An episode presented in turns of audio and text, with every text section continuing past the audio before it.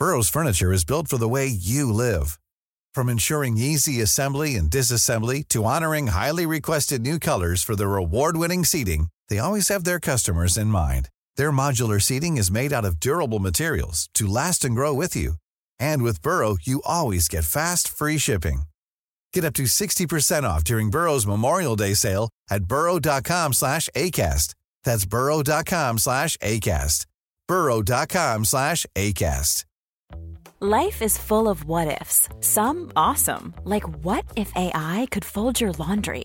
And some, well, less awesome, like what if you have unexpected medical costs? United Healthcare can help get you covered with Health Protector Guard fixed indemnity insurance plans. They supplement your primary plan to help you manage out of pocket costs. No deductibles, no enrollment periods, and especially no more what ifs. Visit uh1.com to find the Health Protector Guard plan for you. Wow! Nice! Yeah! What you're hearing are the sounds of people everywhere putting on Bombas socks, underwear, and t-shirts made from absurdly soft materials that feel like plush clouds. Yeah, that plush. And the best part? For every item you purchase, Bombas donates another to someone facing homelessness. Bombas. Big comfort for everyone. Go to bombas.com slash ACAST and use code ACAST for 20% off your first purchase. That's bombas.com slash ACAST. Code ACAST. Everyone knows therapy is great for solving problems, but getting therapy has its own problems too, like finding the right therapist, fitting into their schedule, and of course, the cost. Well, BetterHelp can solve those problems. It's totally online and built around your schedule. It's surprisingly affordable too. Connect with a credentialed therapist by phone, video, or online chat, all from the comfort of your home. Visit betterhelp.com to learn more and save 10% on your first month. That's BetterHelp, H E L P. I don't need a lot of brains in this business. I mean, I've always said if you got an IQ of 160, give away 30 points to somebody else because you don't need it in investments. What you do need is emotional stability. Wow. Very first tech IPO, and it's a big one. Stock market hit an all time record high today. A crash is coming. Now, whether it's six months from now, 12 months, 36 months, no one knows. There's a bear market about every five years. We've gone eight years without one. People have to realize this is the biggest IPO ever.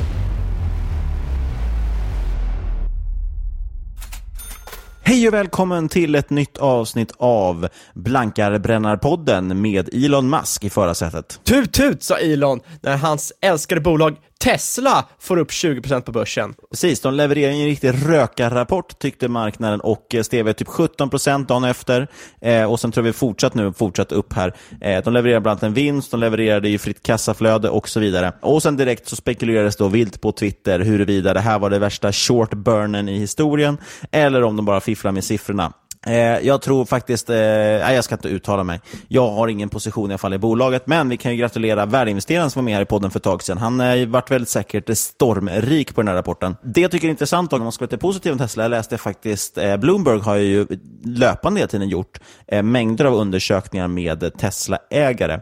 I början var det mycket early adopters, de hade ett par hundratal liksom, som de kunde intervjua, men nu har man alltså tusentals rapporter som man har gått igenom och undersökningar. Hur tycker folk om sina Teslor? Något som är väldigt intressant, jag har ju beskyllt dem mycket för att de har haft dålig kvalitet, framförallt på modell 3. Eh, och anledningen till det är ju helt enkelt att de, de var inte omställda, de var inte duktiga på, de hade ingen riktig produktionslina på det sättet. Eh, mängden klagomål dock har ju verkligen sjunkit dramatiskt. Eh, ett tag hade de faktiskt på 100 bilar levererade så hade de över 100 klagomål. Det är ganska illa, får man ändå säga. Men i snitt någonting så låg de typ på 80% av bilarna som de skeppade hade klagomål. Nu har man fått ner det ganska rejält och börjar väl någonstans ändå närma sig lite mer en, en kvalitetstillverkare. Och det här är förstås roligt för Tesla då, om de verkligen får till det här och lyckas bra med att producera bilen. Det är ju såklart svårt att göra det första gången man gör det. Eh, ja, men jag tycker ändå det är intressant. Sen är jag fortfarande sådär lite att jag, jag, tycker att de gör lite skeptiska grejer i sin bokföring. Jag tycker även att eh, som sagt, de, de tycks inte ha riktigt någon marginal på de här bilarna. De går ju back på varje de säljer. Ja, och med det sagt har de ju även en hutlös värdering, men det ska vi inte prata om nu. Eh, man Precis, har i alla fall inte sett... Därav att eh, lite att man känner det här som en del säger att det är, eh, det är en svår aktie som man inte riktigt vill röra. Jag vågar varken ta i den på uppsidan eller nedsidan just nu. Nej, jag har hållit mig rätt starkt ifrån Tesla, men eh, ja, det är väl kul för Elon Musk. Tesla går bra. Jag har inte sett honom i tidningen på senaste tiden, så eh, Ja. Nej, det senaste som har skrivits om nu det är ju att det här med Solar City, delvis håller det på att uppdagas lite här kring, eh, ja men han bailade ut sina kusiner, det är ju rätt uppenbart med Solar City. Eh, och nu håller de på att bli stämda av Walmart bland annat för att de har installerat de här jävligt dåligt helt enkelt, solcellerna, så de börjar brinna. Som vanligt så ruschar de ut saker lite grann lite för tidigt, det mesta i Tesla. Eh, och det är en rätt stor grej, men då har ju Elon Musk gått ut och börjat prata igen om det här solpanelstaket som aldrig har fungerat eller aldrig funnits fast han har sagt det. Ja, och antagligen är det då lite för att eh, liksom, eller flytta liksom, fokuset från Walmart till där. Men apropå Walmart, vi ska inte prata om Tesla idag. Apropå Walmart så ska vi faktiskt ta upp en, en bransch, en konkurrent till Walmart idag. Och eh, Vi ska lyfta två case, delvis en konkurrent till dem, ett helt annat case som har om något helt annat och sen så blir det två makrospaningar, eller hur? Wow, vilken jävla övergång! En liten applåd till den. ja, exakt. Ska... på. Nej, den var eh, fantastiskt fin. Men först en liten disclaimer. Ingen rådgivning eller rekommendation i den här podden. Vi berättar bara om vår process, hur vi tänker och vad vi tycker är intressant. Gör alltid din egen analys och lyssna inte på oss i den här podcasten för då kan saker gå snett. Precis, och ibland är man ju lite sugen på, nu släpps vi på torsdagar, så det är inte riktigt det är någon sån här lill-lördag eller någonting, men annars är man lite sugen på att införa den här uh, two drink minimum som uh, Quoth the Raven kör med. Den hade varit rätt schysst, eller hur? Om inte annat hade vi kunnat använda den i alla fall. Så hade vi kunnat skylla allt dåligt på att vi var onyktra. Men det är ju fantastiskt, då börjar vi med det från och med nästa vecka. Klappat och klart. Då säger vi det, från och med nu så kommer den här podden, eller ja, från och med nästa vecka kommer det vara två öls minimum för att dricka den här dricka den här för att lyssna på den här podden. Och det är ju faktiskt perfekt, för i, eh, imorgon när vi spelar in, vi spelar in tisdag den 29 oktober, imorgon onsdag den 30 oktober, då släpper ju Härnö Gin sin Härnö Black Current, det vill säga deras svartvinbärslikör. Så det är ju perfekt känns det som läge att, eh, då får man ju provsmaka den till nästa veckas podd. Låter fantastiskt. Men nu tycker jag att vi kör på. Och då, först ut Fabian, tycker jag att du får köra igång. Vad är det för case du har? Jag hoppas det inte är något gammalt tråkigt retailbolag eller något sånt, utan något spännande hett inom tech. Jag vill inleda med här med att det inte är ett case. Det är mer som en eh, sammanfattning av något som är väldigt intressant som man borde hålla koll på framöver.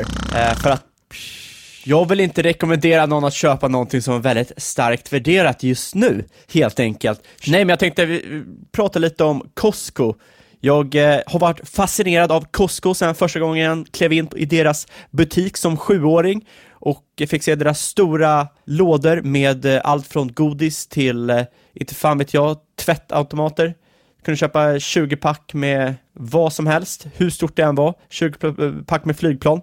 Och här kommer vi in på deras affärsmodell, den är väldigt intressant. De är grossisthandlare, men de eh, inriktar sig mot privata kunder istället för andra företag som behöver köpa in produkter. Helt enkelt, du som person får för dig, ja, jag behöver köpa 100 kilo kött på en och samma gång. Och då gör du det. Och eh, det som är intressant med Costco är att de håller väldigt låg marginal, så, så låg som möjligt helt enkelt. Och det här ger en sjukt stark prisfördel mot kunderna. Deras bruttomarginal är på cirka 11 procent det betyder alltså att köper man 20 kilo pasta för 100 kronor så kommer det kosta Costco cirka 90 kronor som exempel. Target, de har 30% bruttomarginal, Walmart har 25%. Det betyder att eh, Costco har cirka en tredjedel av vad de här företagen har. Ska ju tilläggas också att Costco är en klubb. Det kallas för, för typ Costco Wholesale Club eller något sånt. Så man blir, alltså, måste ju vara medlem för att få komma in och handla, eller hur? Exakt, och det är liksom, det är ju där själva pärlan ligger. De säljer också hela sitt lager, vanligtvis innan de betalar sina egna eh, suppliers. Och det här är väldigt intressant för att sitter man och kollar på företag som handlar med varandra, den här perioden då man ligger ute med pengarna brukar vara väldigt problematisk för de som inte har fått betalt än. Och eftersom de betalar så snabbt, de har vanligtvis fyra dagar på att de betalar sina räkningar, det gör att i stort sett alla vill handla med Costco de är, de är väldigt snabba på att flippa pengar och på så sätt dra till sig andra aktörer att knyta i sig an deras nätverk. Och eh, det här innebär helt enkelt att de har väldigt stark omsättning i kassaflödet. Sen kommer man till det som Niklas pratade om och det är membership fees. Står för cirka 2% av all försäljning, men cirka 100% av vinsten. De har 53 miljoner kunder sådär och drar in cirka 4,3 miljarder dollar på fees.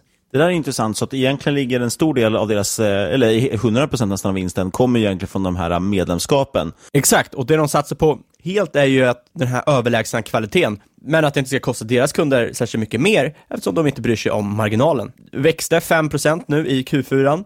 Det är en nedsaktning jämfört med helåret, men det är bättre än konkurrenter som Walmart Sam's Club. Eh, Sam's Club är ju en liknande typ av eh, wholesale grossisthandel. Stark trend, öppnar ännu fler butiker eh, har 782 globalt nu jämfört med 566 2009.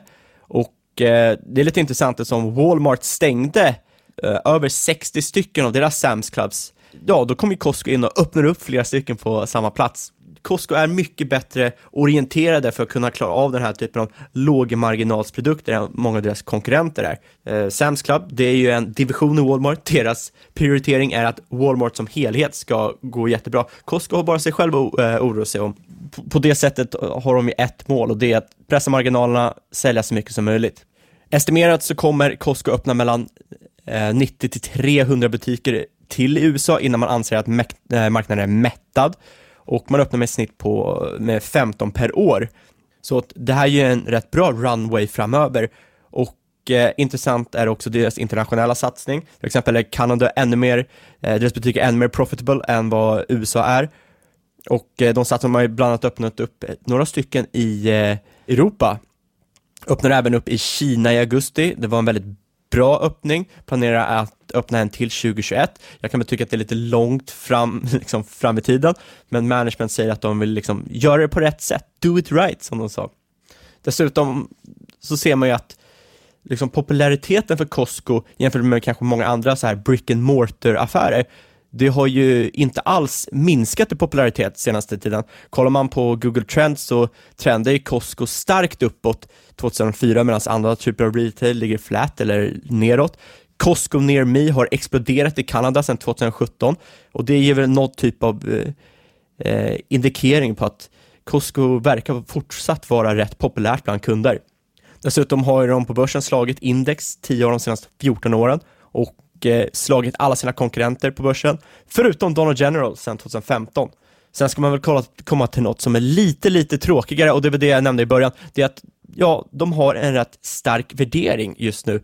Eh, historiskt har värdering legat kring P 22 till 25, men har sakta krypt uppåt sedan 2014, ligger nu strax runt, runt 35. Och det här är någonting man borde ta hänsyn till eftersom de har lite av en cyklisk expansion, framförallt i värderingen. Men eh, man bör också veta att marginaler inte är ett problem på samma sätt som det är för konkurrenter, till exempel Donald General, eftersom de får majoriteten av sina pengar från subscription. Viktigt att nämna också, eller intressant att nämna, är att under det här som kallas retail apocalypse, de senaste fem åren, har man ju till och med sett att marginalerna har vuxit något. Costco är väldigt bra på att omsätta sina pengar för att få någon typ av avkastning på investerat kapital. Det har ju vuxit sedan 11% sedan 2011 upp till 17% 2019 och sitter även på en stor hög med pengar och eh, cirka 70% av fritt kassaflöde brukar delas ut. Vad kan man säga om det här? Kortsiktigt övervärderat helt enkelt. Det kommer på ett eller annat sätt troligtvis revert to the mean. Men samtidigt ska man komma ihåg att den högre värderingen sällan är unjustified. Så här stora bolag brukar vara relativt rättvist värderade Eh, innebär oftast att de har växt väldigt bra om man tror på fortsatt stark tillväxt. Så det här gör att det är väldigt intressant bolag att hålla koll på. Det är kanske inte är ett toppen liksom, pris just nu att stiga in på, men om man äger det eller tror väldigt, väldigt hårt på det, ja, då är Costco väldigt intressant. Det är också väldigt intressant att nämna att Costco anses vara en av de främsta arbetsgivarna i, i USA, vilket är rätt intressant med tanke på att deras jobb i stort sett är att man kan jobba på lager eller jobba i kassan, som kanske inte låter så trevligt, men de får tydligen väldigt hög lön för det här typet av arbete, vilket gör att många som jobbar där stannar kvar resten av livet. Så de har väldigt låg omsättning i personalen, till skillnad mot många andra typer av retailbolag där det rullar på som hjul på en bil. Tycker man om de här typen av bolag, håll koll på det här bolaget, för förr eller senare kommer det ske någonting, det kommer revert to the mean och då är det fantastiskt tillfälle att klippa till. Ja, men spännande. Eh, jag har ju ett annat bolag som jag kikar på som är någon helt, helt annanstans rent eh, ska man säga, sektormässigt och bolagsmässigt och hela grejen. Jag har tittat på ett riktigt förhoppningsbolag Fabian, vad säger du om det? Jag tycker det låter väldigt intressant. Man, ja. Vi väger upp ett, med ett förhoppningsbolag med ett gammalt retailbolag och eh, snittet av det här blir väl ett eh, rätt bra market makers-bolag helt enkelt. Eller hur? Nej, men jag har faktiskt tittat på något som heter Bioservo, eh, Bioservo Technologies, eh, som är noterat på svenska börsen. Och eh, Jag vet inte hur många som känner till det. Det är ganska låg likviditet och eh, inte supermånga liksom, ägare ändå på Avanza. Eh, vad de gör dock, det är teknik och utvecklingsbolag eh, som de säger att de kombinerar medicinsk vetenskap med robotteknik. Eh, de har ju nämligen ett så kallat exoskelett och de har tagit fram någonting som de kallar för SEM, eh, som då är liksom mjuka muskler så att säga. Eh, och då har de byggt egentligen, eh, första produkten är en handske som man sätter på sig. Man kan googla på bioservo så ser man den här bilden hur det ser ut. Så man har en handske på sig med då muskler och servomotorer och grejer som gör att när man egentligen tar på något, desto hårdare man tar och kniper något, desto mer hjälper de här musklerna till. Och Det är en ganska cool teknik. Vi har ju pratat lite grann om det här med exoskelett och, och robotassistans och sånt tidigare. Eh, och Det här är då ett case på det egentligen. Ja, det är extremt, extremt intressant, extremt mycket som händer på den fronten. Så att eh, hitta ett sånt här börsnoterat bolag är sjukt intressant. Aldrig hört talas om dem innan. Och och jag, jag, fick faktiskt upp ögonen för de här bara häromdagen. Eh, det ska tilläggas, vill man följa det här lite noggrant så finns det en snubbe eller kvinna på Twitter, jag tror att det är en kille, som heter Rich von Stock som man kan kolla på. Eh, han skriver rätt mycket om det här bolaget och eh, det jag såg då var att ja, men man har gjort tester egentligen med General Motors. Man har en mängd faktiskt riktigt, riktigt stora företag som promotar bioservo, bland annat General Motors, Ericsson med mera eh, som testar det här på olika sätt. Och General Motors sa för ett år sedan att vi ska testa det här systemet och nu har man då kommit igång med det. Det man har sett är att folk i de här fabrikerna hävdar att ja, men de vill egentligen inte lämna ifrån sig den här handsken för att de tycker att det är så pass bra och så pass skönt. Eh, för det här häng, hänger ihop väldigt mycket med arbetsrelaterade skador och slitage och sådär. Eh, någon sa bland till exempel att nu behöver jag inte längre ta smärtstillande på lunchen. Känns ju för sig väldigt oroväckande att han behöver det från första början, men å andra sidan bra att Bioservo kan hjälpa till. Men om man går tillbaka lite till bakgrunden, det de gör egentligen, de har två olika segment. Delvis är det mot professionella kunder och då är det framförallt industrin, olika typer av tillverkningsindustrier. Det är flygplan, det är biltillverkning och så vidare. Och sen har man också en del inom vården där det mer då handlar om att om en åldrande befolkning, folk som inte då på olika sätt får svagare muskler, då kan de ha den här handsken på sig. Eh, jag tycker dock den här professionella delen känns som den mest, mest intressanta. Absolut, jag läste någonting i samband med det här att, ja, det heter på engelska musculoskeletal disorders och det är muskulär skelettproblem. Det står för cirka 75% av alla skador eh, i Nordamerika, så att det är ju en extremt stor marknad. Ja, men precis. Det är faktiskt då generellt också den här globala marknaden för exoskelett och kraftförstärkande liksom, robotlösningar och så här, växer jättesnabbt. Eh, enligt en del marknadsbedömningar så tror man att den här marknaden redan år 2025 kommer uppgå till mellan 2 3 miljarder dollar ungefär. Och precis som du säger, de här typerna av skador, MSD, då, alltså musculoskeletal disorders och så vidare, är ju bland det vanligaste. Det är näst största anledningen till funktionsnedsättning globalt. Eh, och dessutom så är det någonting som faktiskt, man har sett att det kostar så pass mycket för arbetsgivarna att det är arbetsgivarna själva som köper in där. Precis på samma sätt som att man vill köpa in annan utrustning som gör att ja, men vi vill inte att våra arbetare ska eh, vara hemma och må dåligt och sjuka. Liksom man ser ju att just de här stigande kostnaderna för sjukfrånvaro och sådär liksom gör, ja, de ger incitament till att eh, den här typen av produkter ska användas. Runt 30% närmare 30% av alla rapporterade skador och sjukdomar i USA eh, visar sig vara kopplade till den här typen av eh, problem. Och Då är det framförallt just mycket hand och vristskador som primärt uppstår i, i tillverknings och serviceindustrin. Eh, totala kostnaden för den här typen av skador uppskattas i USA ligga på mellan 45 till 54 miljarder dollar. Så att, jag menar, det, det, finns ju en liten peng här att spara in om man på något sätt kan avväga det här då, eller undvika det så att säga. Eh, men om man går tillbaka lite grann till själva bolaget då. Eh, de grundades 2006. Eh, de har som sagt två egentligen produkter nu. De har ju sin Carbon Hand som är en assisterande handske för sjukvården. Eh, den finns tillgänglig sedan 2013. Den genererar redan intäkter idag. Eh, och Det finns lite ytterligare potential här i och med att man håller nu på med en, en studie på det här för att kolla, är den verkligen så verksam? Eh, skulle det visa sig ge positivt resultat, ja, då kommer man faktiskt öka ersättningen från landstingen och så vidare, vilket gör att man kommer ha fortsatt förbättrade intäkter. Men man ska vara tydlig med att de tjänar inga vidare pengar idag. De, framförallt går de ingen vinst.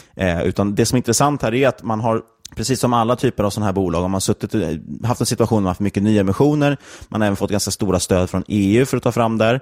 Så det är på så sätt att man har levt, levt vidare. Och Jag har för mig att den senaste nyemissionen var ganska nyligen.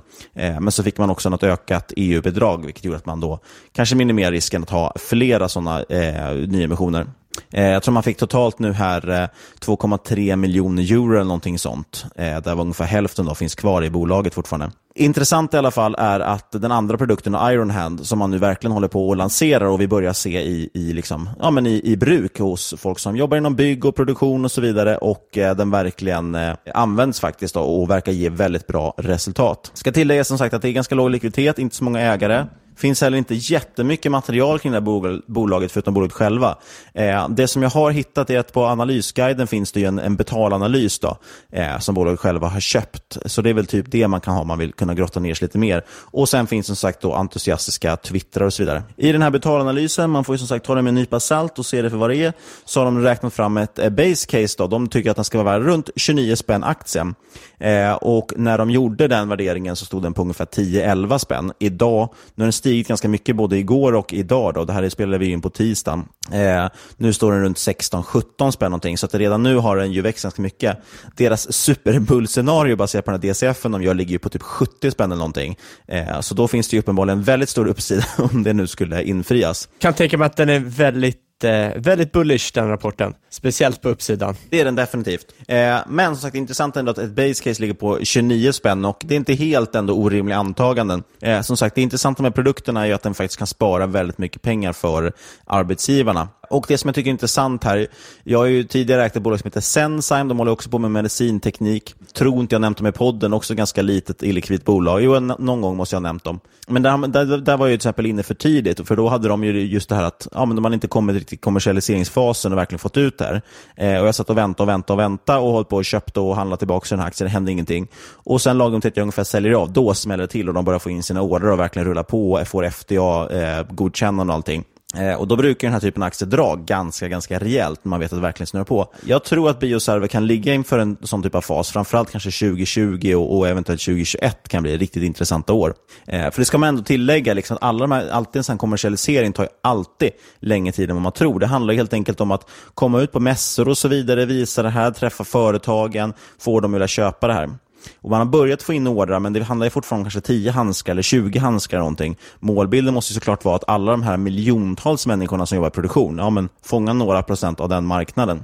Exakt, så man sitter väl lite som någon typ av riskkapitalist kan man tänka sig i det här bolaget. Med en sån här ny typ av produkter, det är ju, det är ju som Niklas säger, du måste ju på något sätt intala dem att köpa bilen om de sitter och kör med häst och vagn fortfarande. Men precis, men det som jag tycker är sagt intressant är att jag tror att man kommer in i en ganska hyfsad fas. Nu är det som sagt inga rekommendationer eller råd på något sätt, men jag tror ändå att någonstans här borde vara ett intressant... Eh, ja, tittar man på vilken fas de är i, för de har ändå som sagt på något sätt ändå bevisat produkten med tanke på att den redan varit ute och testas och att alla som testar den i princip vill behålla den och de knappt får av den från dem. Och dessutom som sagt har man gjort ett antal nyemissioner, man har fått in ett EU-bidrag och jag tror att kassan bör vara tillräckligt välfylld för att klara sig nu. Eh, men som sagt, de två farorna som brukar finnas med den här typen av bolag. Ja, men ett, hur lång tid kommer det ta att kommersialisera och faktiskt få intäkter som bär liksom, företagets kostnader? Ja, får, gör man inte det, då måste man göra nyemissioner, vilket då gör att man riskerar utspädning. Den andra risken det är ju det här med, är produkten verkligen gångbar? Kommer folk, är det verkligen bättre än häst och vagn, den här bilen till exempel?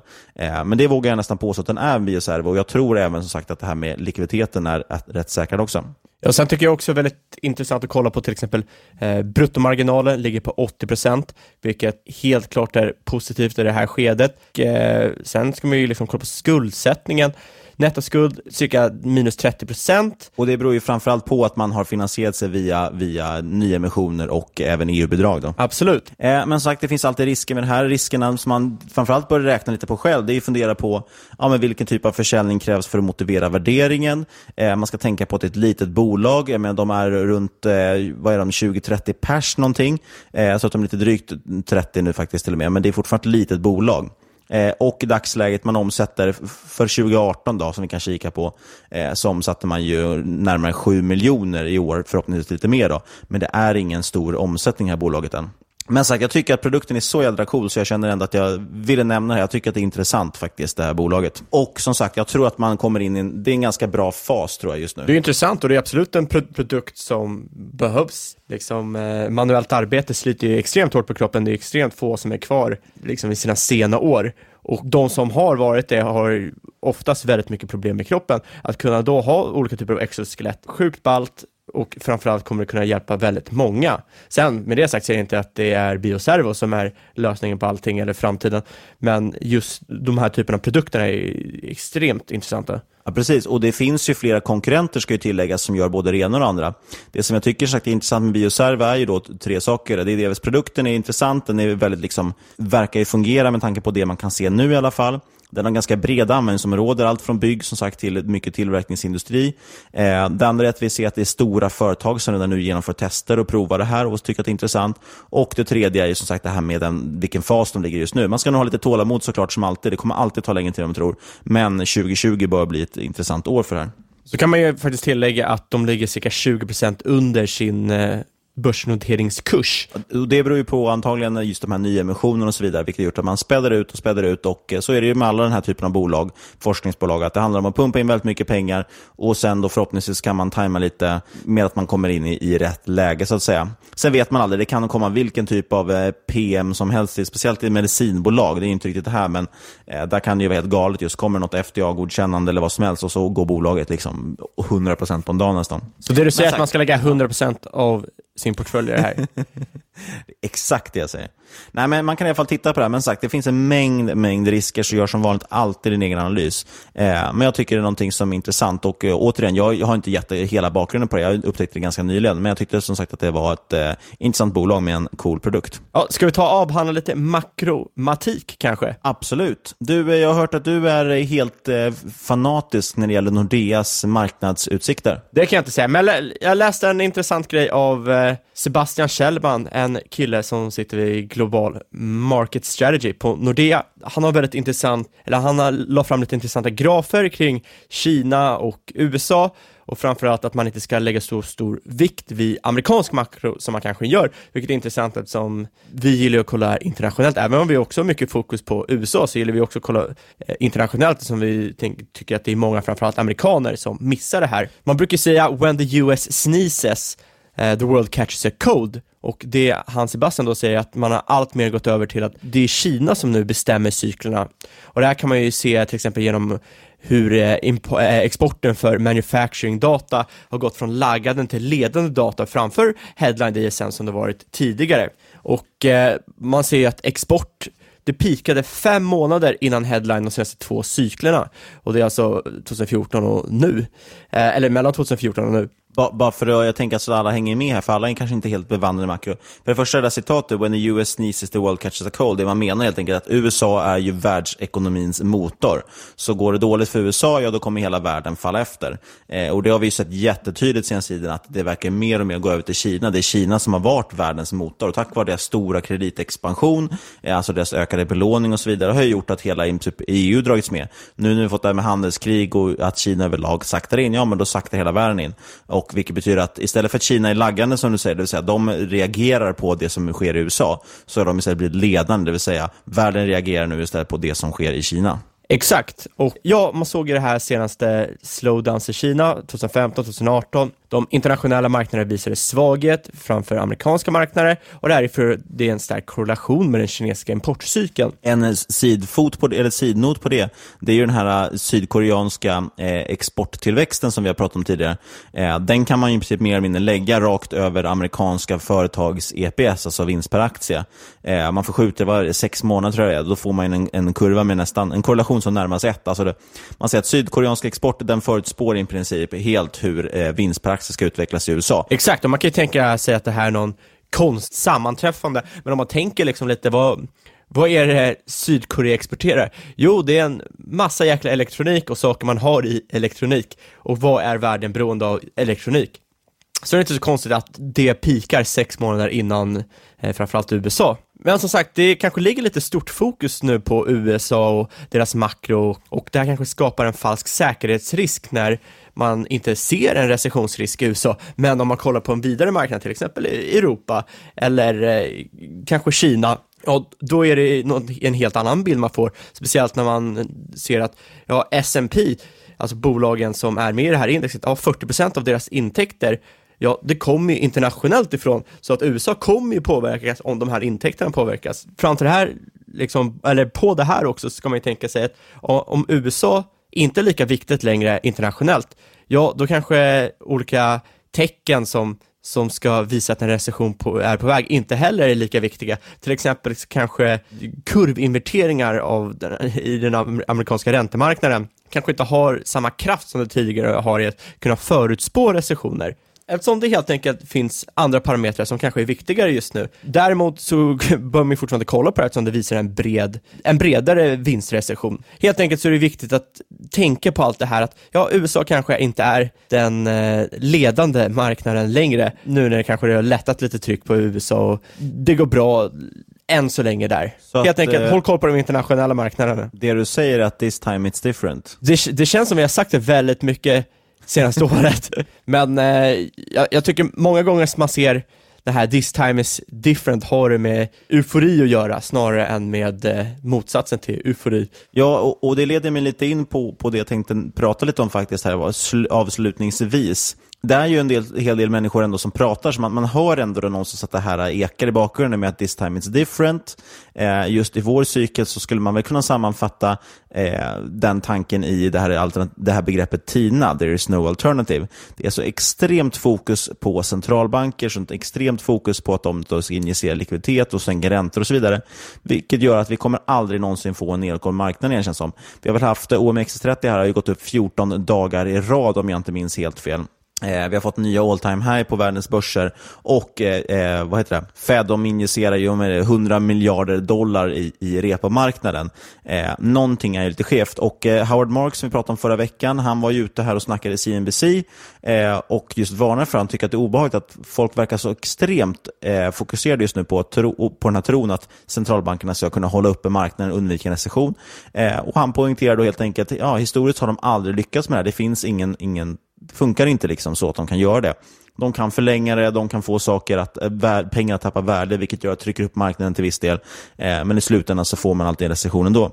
Och då tänkte jag bara någonstans, ja men lite så här sammanfatta det här i, i tre stycken punkter. För att det som känns just nu, det är att det, det kanske är upplagt för en, en slags blow-off top som man pratar om. Man brukar ju prata om att en, det finns ett klassiskt citat som lyder att, att bull markets are born on pessimism, grown on skepticism, mature on optimism and die on euphoria. Vad man menar är helt enkelt att tjurmarknads eller bullmarknads natur är att den börjar med pessimism, det vill säga där har du ju botten någonstans, folk är fortfarande negativa, där någonstans ska man köpa in sig.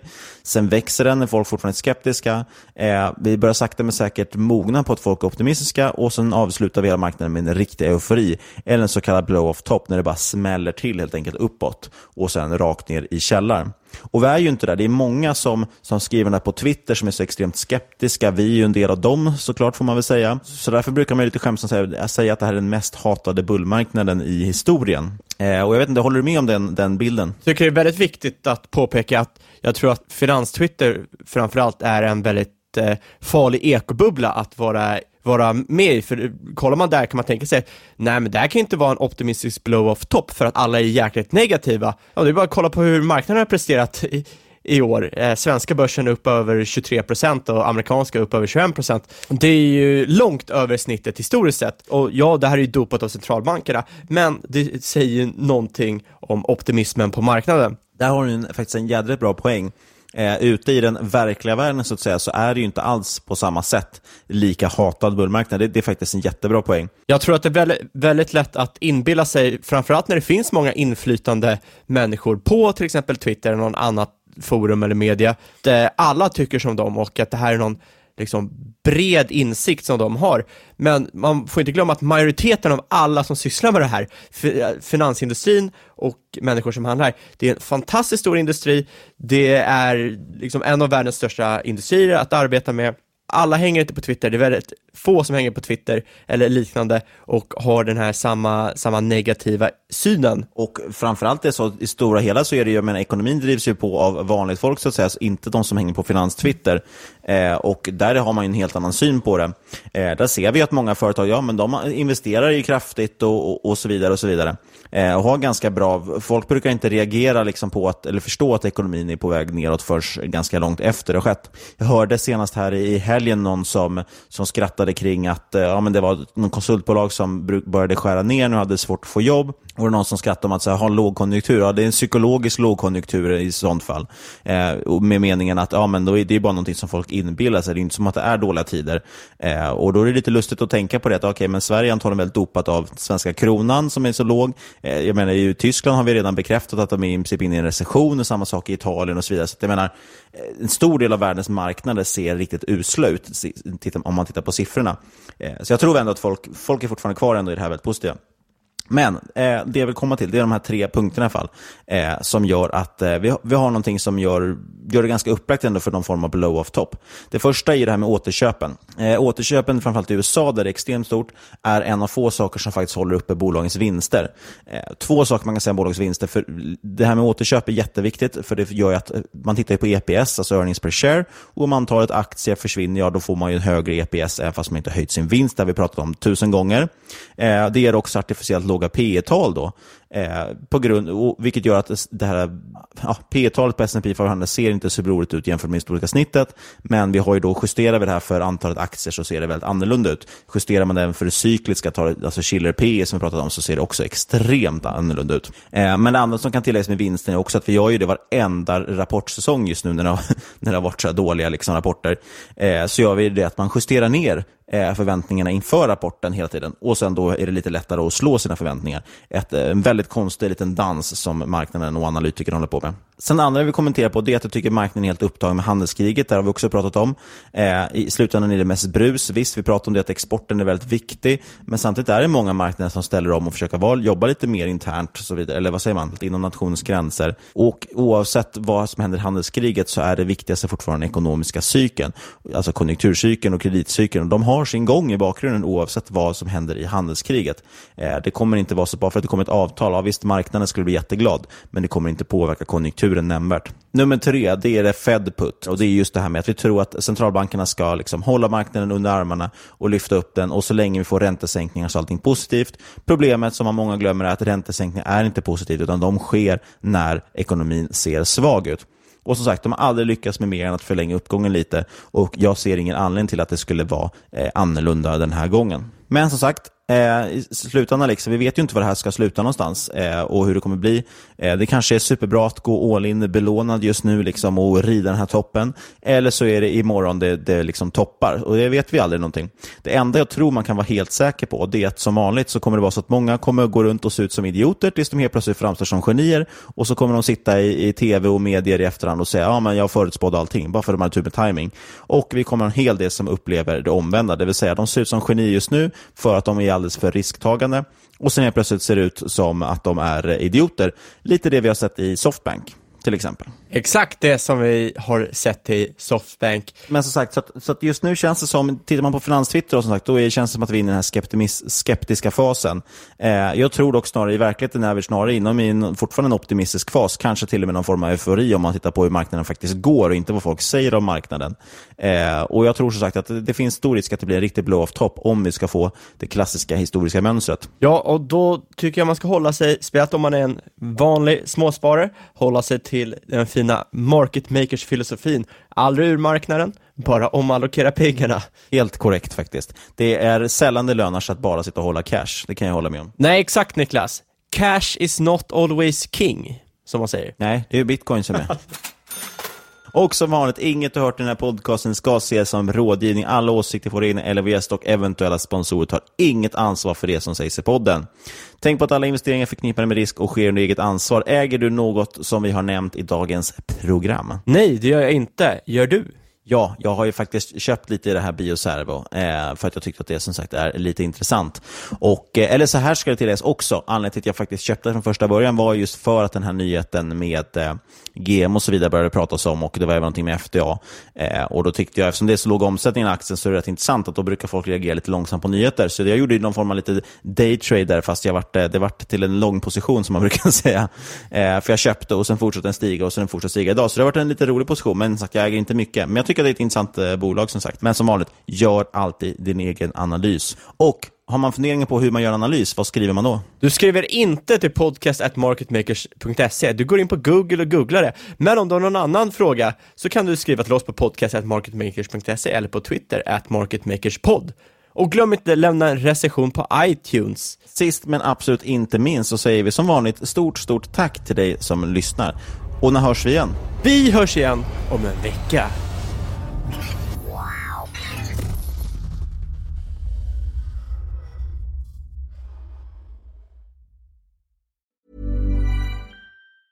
Hey, I'm Ryan Reynolds. Recently, I asked Mint Mobile's legal team if big wireless companies are allowed to raise prices due to inflation. They said yes. And then when I asked if raising prices technically violates those onerous two year contracts, they said, What the f are you talking about, you insane Hollywood ass? So to recap, we're cutting the price of Mint Unlimited from $30 a month to just $15 a month. Give it a try at mintmobile.com slash switch. $45 upfront for three months plus taxes and fees. Promo for new customers for limited time. Unlimited more than 40 gigabytes per month. Slows. Full terms at mintmobile.com. Life is full of what ifs. Some awesome, like what if AI could fold your laundry? And some, well, less awesome, like what if you have unexpected medical costs? United Healthcare can help get you covered with Health Protector Guard fixed indemnity insurance plans. They supplement your primary plan to help you manage out of pocket costs. No deductibles, no enrollment periods, and especially no more what ifs. Visit uh1.com to find the Health Protector Guard plan for you. Hiring for your small business? If you're not looking for professionals on LinkedIn, you're looking in the wrong place. That's like looking for your car keys in a fish tank. LinkedIn helps you hire professionals you can't find anywhere else, even those who aren't actively searching for a new job but might be open to the perfect role. In a given month, over 70% of LinkedIn users don't even visit other leading job sites. So start looking in the right place. With LinkedIn, you can hire professionals like a professional. Post your free job on linkedin.com slash people today.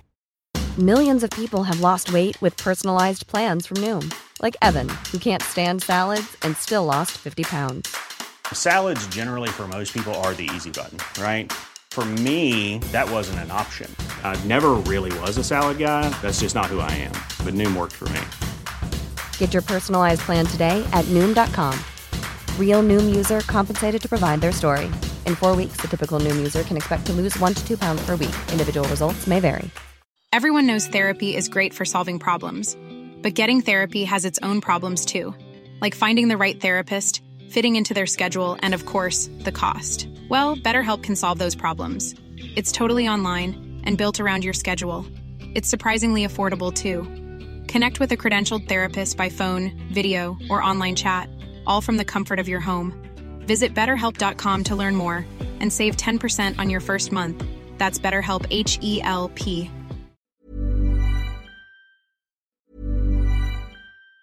Even on a budget, quality is non-negotiable. That's why Quince is the place to score high-end essentials at 50 to 80% less than similar brands. Get your hands on buttery soft cashmere sweaters from just 60 bucks, Italian leather jackets, and so much more.